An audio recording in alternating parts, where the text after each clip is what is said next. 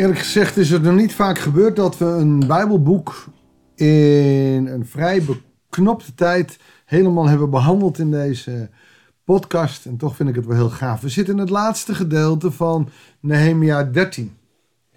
En zoals gisteren al bleek over de, de zondag, de Shabbat zeg maar, ehm, is Nehemia hier ook enorm streng. Dan moet je goed weten dat dat het hier ook ergens om gaat. Dit gaat vanuit de vernieling. En dan gaan de mensen weer dezelfde fouten maken. Dat ziet Nehemia en die wordt ook vandaag ontzettend driftig. Dat is natuurlijk ook niet goed. Maar ik, ik herken me er wel wat in. Ook als er in, uh, in ons land wel eens dingen gebeuren. Denk hoe kan je dat als christen doen? Wat gebeurt er een beetje bij Nehemia? Ben ik uit Babel gekomen? Heb ik die muur opgebouwd? Probeer ik het volk een beetje op de rit te doen? En wat gaan ze doen?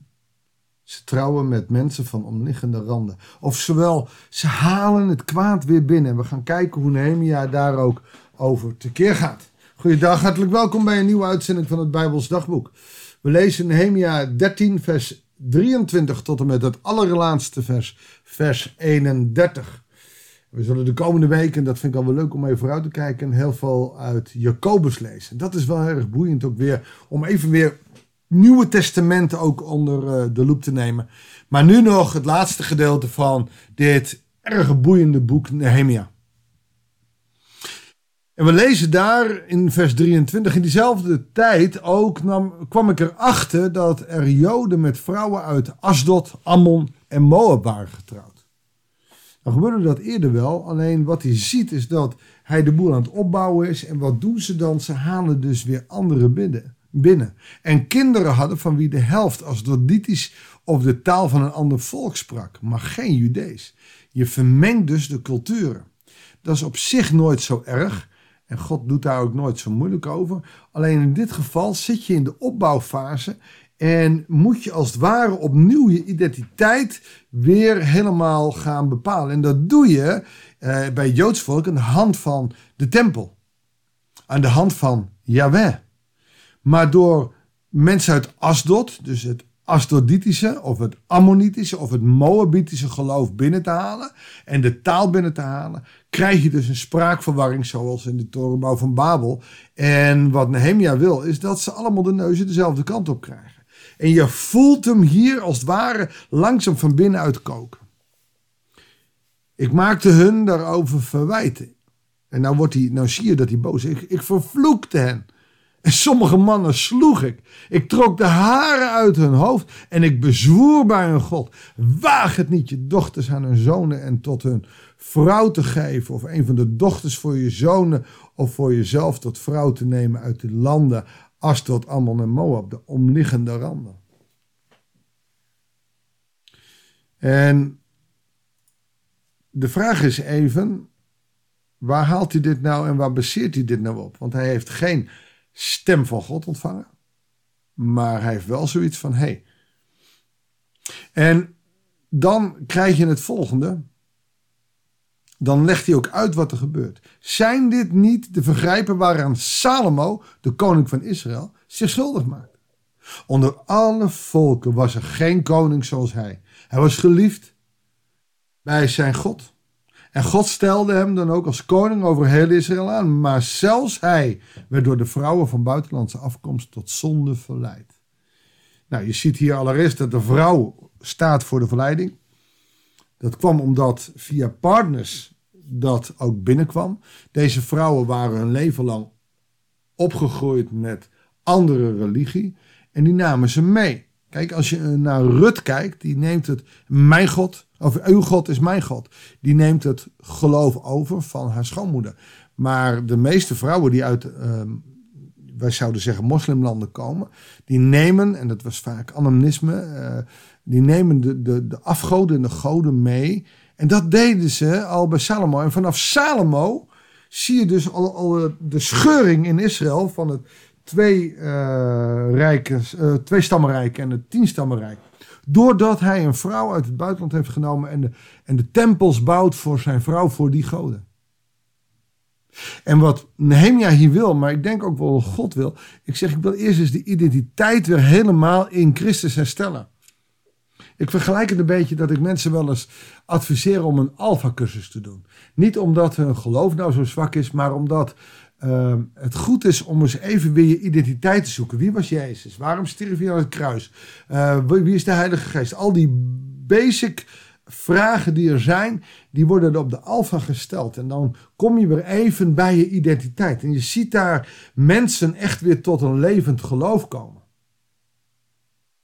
Nou, dat is wat Nehemia wil voor de mensen in Jeruzalem. Die muur is gebouwd, er is veiligheid en nu moet je weer tot je identiteit komen. En nou ziet hij dus dat de mensen gewoon, de vrouwen en de mannen uit, uit de omliggende uh, culturen haalt. En het gaat niet eens zozeer om die mannen en die vrouwen, maar wel om de religie die ze meenemen. De vermenging van die religie vindt hij verschrikkelijk.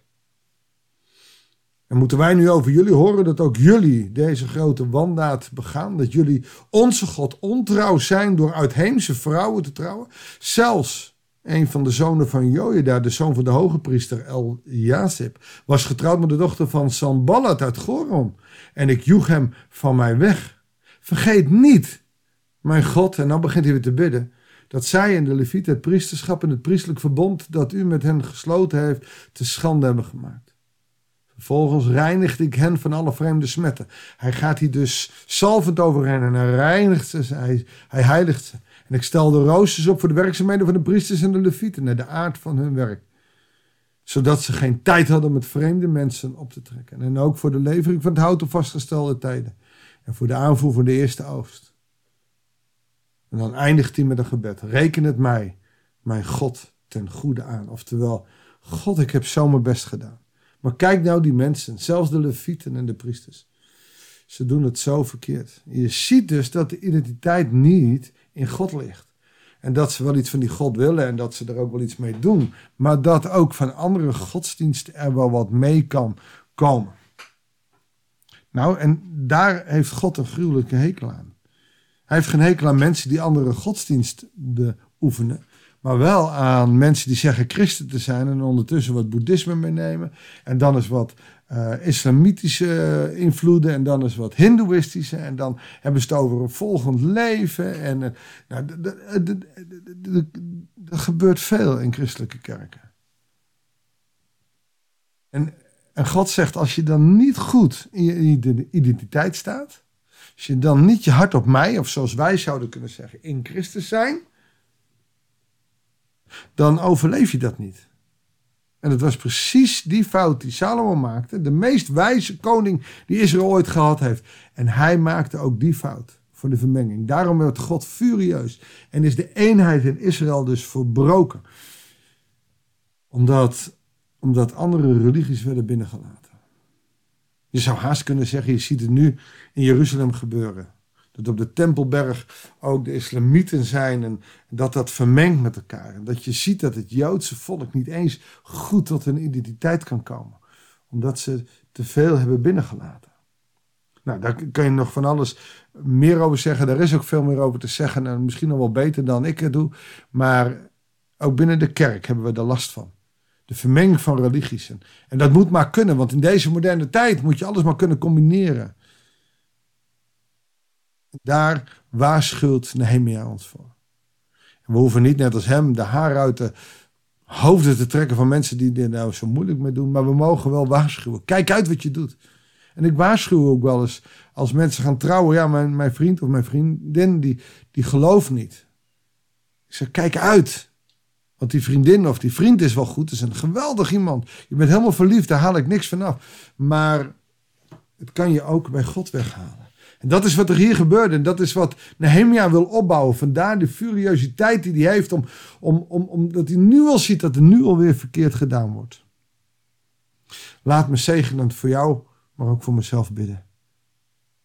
Heere God, leer ons door de kracht van uw geest ons te richten op u. Ons leven zo in te stellen dat hij is gericht op u. Ook als wij met mensen of situaties te maken hebben die, die niet van u zijn. Heer, die hoeven we niet te mijden, we mogen erin komen. Maar we mogen nooit wereldgelijkvormig worden. We mogen ons nooit vereenzelvigen met die wereld. In die wereld mogen we zijn, we mogen niet van die wereld zijn. Heer, u heeft het duidelijk ook in uw evangelie gezegd. We moeten wel in de wereld zijn, maar niet van die wereld. En God, het is zo makkelijk om van de wereld om ons heen te zijn. Want dat biedt ons zoveel meer mogelijkheden dan dat we braaf christelijk zouden zijn en onze normen en waarden uit de Bijbel halen. Heer God, geef ons volharding in ons geloof. En dat wij daaraan genoeg hebben. Dat, zoals u dat tegen Paulus zegt, die toch zich ontzettend hard maakte voor u. Maar joh, Paulus, mijn genade is voor jou genoeg. Heer, laat voor ons dan ook uw genade genoeg zijn. En laat ons niet hongerend naar de wereld kijken en ons wereld gelijk, gelijkvormig worden. Heer, maar laat ons gericht zijn op u. Dat bidden we u, de machtige naam van onze Heer Jezus Christus. Amen. Dankjewel voor het luisteren. Ik wens je God zegen en heel graag tot de volgende uitzending van het Bijbels Dagboek.